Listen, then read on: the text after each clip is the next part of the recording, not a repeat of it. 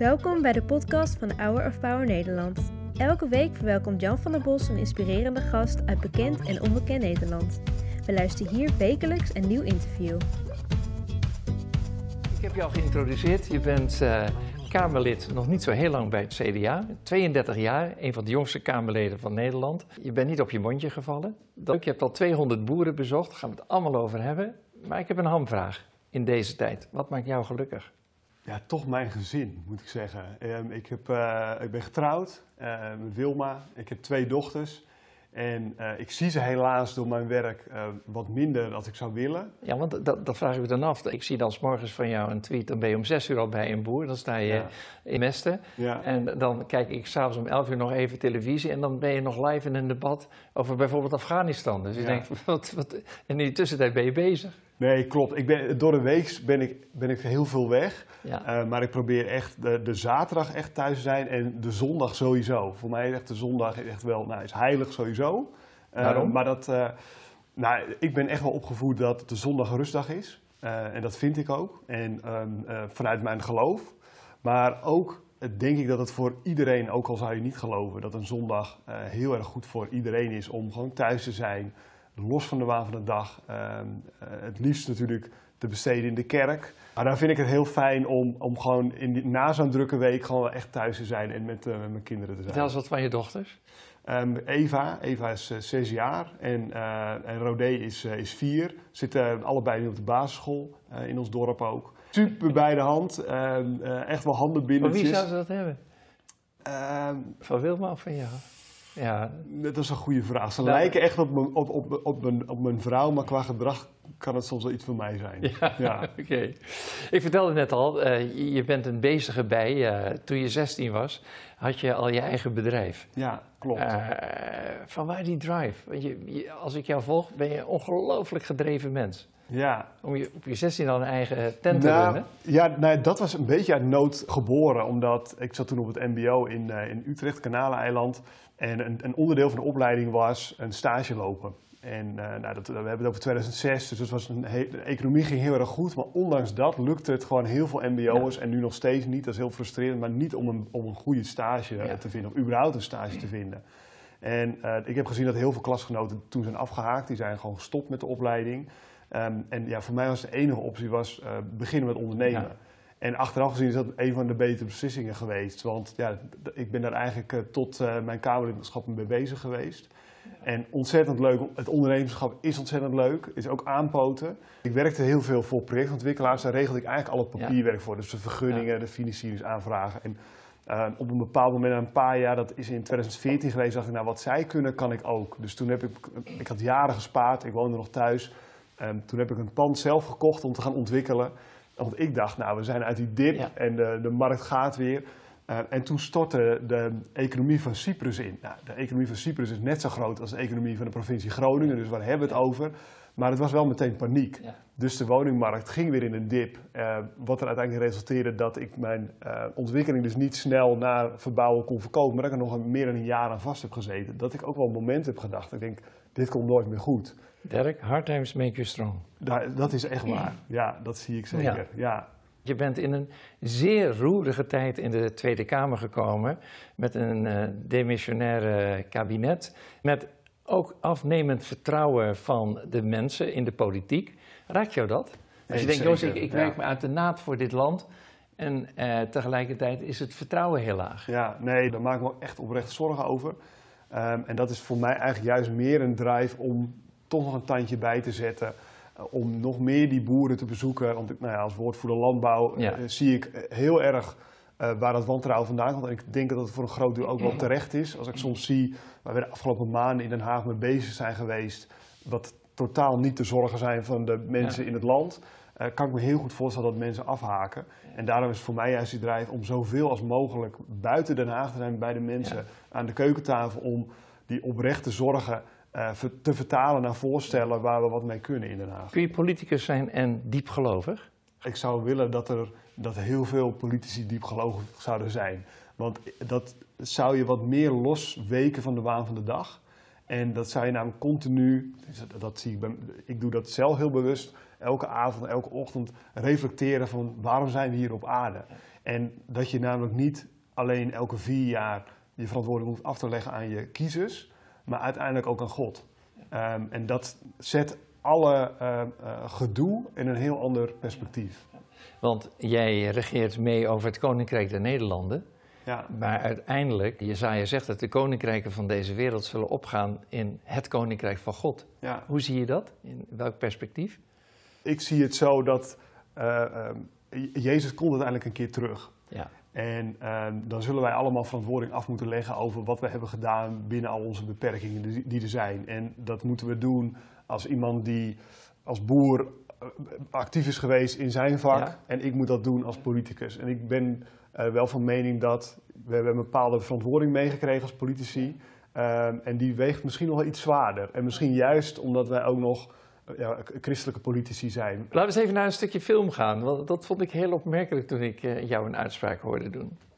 En tot slot. Zoals ik al zei, heb ik de laatste dagen veel contact gehad met veteranen. Die net als de nabestaanden van veel gesneuvelde, excuus, veel gesneuvelde militairen op dit moment hele zware dagen nog maken. Hier moet aandacht voor zijn. Het CDA en de SGP willen hun waardering uitspreken voor deze medewerkers van ontwikkelingsorganisaties, voor de ambtenaren van Buitenlandse Zaken en Defensie, die nu alles op alles zetten voor deze evacuatie. En in het bijzonder wil ik Roy Grimwis, die als veteraan momenteel nauw betrokken is bij het proces, waardering uitspreken. Ik weet dat hij met elke vezel in zijn lichaam is begaan met het lot van de Afghaanse bevolking. En dat hij het gevoel heeft dat hij niet voldoende doet. En daarom wil ik zeggen tegen alle veteranen, jullie hebben al zoveel gedaan, hadden wij als politiek maar meer gedaan. Dank u. Ik dacht, wow. Ja. Maar je was boos, hè? Ik was, nou, ik was zo boos en, en vooral ook gefrustreerd. Um, want wij zagen al maandenlang uh, een soort ongeluk in slow motion plaatsvinden. En niemand nam de verantwoording. En uh, nou ja, dit ging en gaat nog steeds uh, over mensenlevens. Um, en ik zag enerzijds een kabinet wat heel erg passief was. Maar ik zag ook in de Kamer collega's die maakten een soort showtje van. En, en, het ging niet meer over de mensen die vastzaten in Afghanistan, maar het ging meer van hoe kan ik die minister pootje haken. Ja. En dus die twee kanten zag ik en dat maakte mij heel erg gefrustreerd. Het kwam echt uit mijn tenen. Zo voelde dat. Ik heb omdat het over mensenlevens ging, over mensen die um, op ons uh, verzoek ook hebben. Hè, we hebben vrouwen daar gepromoot van ja. joh, uh, uh, gooi je hoofddoek af. Maak je vrij, kom op voor, voor mensenrechten, geef vrouwen onderwijs.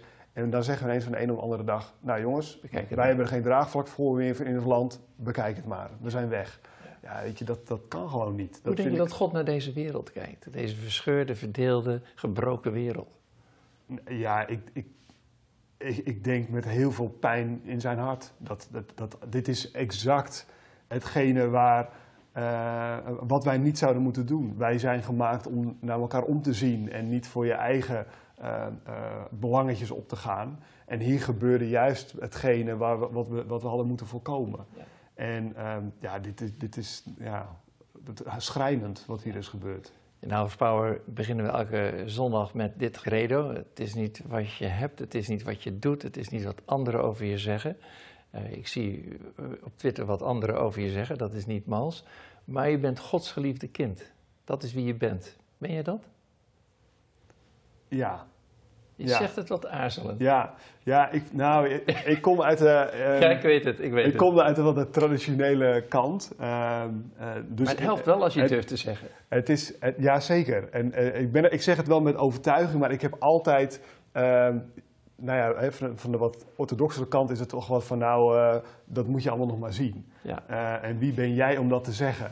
Um, en ergens ben ik, ben ik blij dat ik die kant ook mee heb gekregen. Uh, want dat houdt je ook oprecht nederig. Maar um, soms zou ik willen dat ik iets vrijmoediger erover kunnen. Ik, ik, zie wel eens collega's ook in de Kamer, bijvoorbeeld een Don Seder, die daar heel vrijmoedig over kan praten.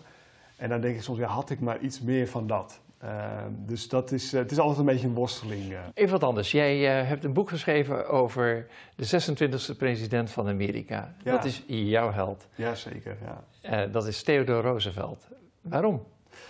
Um, nou, wat wij nu uh, wat wij zien, of tenminste waar wij nu behoefte aan hebben, is, is, is leiders die over hun eigen schaduw heen stappen. Um, die bereid zijn om soms in het een, uh, publieke belang uh, impopulaire maatregelen te nemen. Um, en, en, die, en dan zeg ik het een beetje uh, plat, maar die een beetje scheid te hebben aan de publieke opinie. Dat komt tenslotte bij de boeren elke morgen, dus ik snap dat je... Ja, dat, precies, dan, is, dan kan ik dat nog wel zeggen. Maar um, en heel veel uitdagingen waar wij nu tegenaan lopen, die waren er 120 jaar geleden ook. En Theodore Roosevelt was iemand die uit een rijke familie kwam. en die be echt bewust de sloppenwijken is ingegaan om te kijken, joh, wat, wat, wat gebeurt hier? En die heeft gezien dat uh, arme mensen werden uitgebuit door mensen uit zijn eigen klasse. Ja. Dus die is meteen uh, als politicus meteen gekomen met uh, wetgeving op, op woningbouw, op, op minimumloon, op, op een maximaal aantal uren werken. Nou, uh, dan maakt hem in zijn eigen achterban of in zijn eigen bubbel maakte dat hem niet populair, maar hij deed het wel. En zo heeft hij het ook bijvoorbeeld gedaan um, om de natuur te beschermen in Amerika. Uh, hij zag gewoon met dit tempo blijft er niks van de natuur in Amerika over. Nou, dat, mensen zagen dat totaal niet. Hè. Dat, dat is nu, moet je mensen al overtuigen ja. van joh, we putten de aarde uit. Nou, dat was 120 jaar geleden misschien nog wel veel erger. En hij zegt, joh, we hebben die aarde, die schepping gekregen om ervoor te zorgen. Ook dat onze volgende ja. generaties van kunnen genieten. En uiteindelijk heeft hij ervoor gezorgd dat een vijfde van Amerika werd aangewezen als nationaal park. Jouw opa woonde ook in Amerika, hè? Ja, klopt. Ja. ja. En, en, die schreef jouw brieven? Dat is mijn overgrootopa geweest. Overgrote. En mijn... je hebt ze meegenomen? Ja, zeker. Ja, ik heb, ik heb een, een, een stapel brieven. Uh, nou, die, die, zien er dan zo uit. Deze is uit 24 januari 1915. Ja, prachtig handschrift ja, natuurlijk. Uh, dat is echt... Uh, ja, fantastisch. Maar die, die emigreerden in 1914 naar, naar de Verenigde Staten toe. Ja. Um, omdat zijn schoonfamilie uit Ter Aarde, die, die waren naar Amerika geëmigreerd en hij was verliefd op de oudste dochter. En hij dacht, ja, ik ga, dan, ik ga mee, ik ga trouwen en ik kom terug. Hij is nooit meer teruggekomen, hij is daar getrouwd. Mijn opa uh, is daar geboren. En zijn ouders zijn allebei uh, in 1919 uh, twee dagen na elkaar overleden aan de Spaanse griep. maar voordat het zo ver kwam, schreef hij dus brieven terug naar Nederland over zijn ervaring, hoe hij naar. Ja. dat is fascinerend. Wat raakt je in zijn brieven? Nou, lees eens wat voor als je wilt. Nou, het ging dus net voor de Eerste Wereldoorlog weg. En nou, toen hij daar kwam, brak hij uit. En toen schreef hij... Um, als ik dan nu al die ellende nu weer zie in Italië met die aardbeving waar duizenden mensen zijn omgekomen... Of ik zie, zoals geschreven in de laatste boeken van de Bijbel, dat in de laatste dagen er gevochten zal worden in de lucht. Ik zie dat nu ook gebeuren. Het kan niet meer lang duren of deze aarde houdt op te bestaan. En hij doelde natuurlijk op, in de Eerste Wereldoorlog werden natuurlijk vliegtuigen voor het eerst ja. ingezet. En ja, hij had nog nooit een vliegtuig gezien. En ineens werden die dingen uitgevonden en ze werden uh, ingezet om elkaar te vermoorden ja. en te vechten in de lucht. Uh, nou, dat is meer dan 100, uh, 105 jaar geleden inmiddels. Ik vind dat fascinerend om te lezen en tegelijkertijd leert het me nu heel erg relativeren. Dat mensen continu zeggen, nou, dat duurt niet lang meer. Dat ik denk van ja, we weten het niet. Ja. We, we, moeten altijd bereid zijn, maar we weten het gewoon niet. En, uh, dat, dus dat zet mij altijd wel aan het denken. En dan denk ik ook die arme man, die moest dus weten wat er allemaal nog ging gebeuren. Ja. En, uh, dus het is, wel, ja, het is heel fascinerend. Uh. Hoe zie je het leven na dit leven? Heel veel politici geloven daar niet in. Die zeggen het is het hier en nu. Ja, nou daar geloof ik niet in. Het maakt mij soms een beetje somber als ik denk van je zou dat maar denken dat het het hier en nu is en dat dat, hè, dat, dat dood dood is. Um, het maakt mij juist heel hoopvol dat ik weet dat er na dit leven een, een nog veel mooier leven is um, waar wij um, uh, nou ja, bij God en bij Jezus mogen zijn. en ik, nou ja, dat, dat put ik wel troost uit. En zeker als je heel veel. Ik heb een heel mooi leven. Ik mag helemaal niet klagen. Maar als ik wel heel veel ellende zie. Uh, denk ik van nou, dat gaat allemaal over. En dat, nou ja, dat geeft mij heel veel hoop. Werk, ik hoop dat je iedere keer met die hoop gewapend uh, vanuit het CDA-gedeelte in de Tweede Kamer naar het spreekstoel stapt en dit nog lang mag doorgeven. Dank je wel. Dank je wel. Ik, ik heb echt oprecht bewondering voor je, hoe je erin staat, wat je doet en wie je bent. En uh, een mooi mens en een goede politicus. Ik heb een cadeautje voor je. Ik citeerde hem al. Je hebt de Mount Everest beklommen, hè, geloof ik? Nee, Mont Blanc. De Mont Blanc. Ja, nee, Mount Everest staat nog op mijn. Op, op, op, de, Mount Everest staat nog wel op mijn, mijn, lijstje, maar dan moet ik eerst thuis toestemming ja, krijgen. Ja. Het is wel grappig, want je hebt de Mont Blanc beklommen, bijna aan de top. En Ja, dat was heel frustrerend. Ja, Ja, ja. We, we waren er echt bijna, het was echt een paar honderd meter en toen sloeg het weer om, om weer. Ja, Ja. En, dan is er geen, en, en dan kan je nog tegen je, tegen je klimleider zeggen, oh, we gaan al door. Maar die zei gewoon, nee jongens, we gaan terug. En, Nou ja, deze bergen die zijn er een afbeelding van. En eh, de laatste zin is: wat je doet, zijn liefde met de wereld delen. Alsjeblieft. geweldig. Bedankt voor het luisteren naar het interview van deze week. We hopen dat dit verhaal jou heeft bemoedigd. Wil je meer weten over Hour of Power of andere interviews bekijken? Ga dan naar www.hourofpower.nl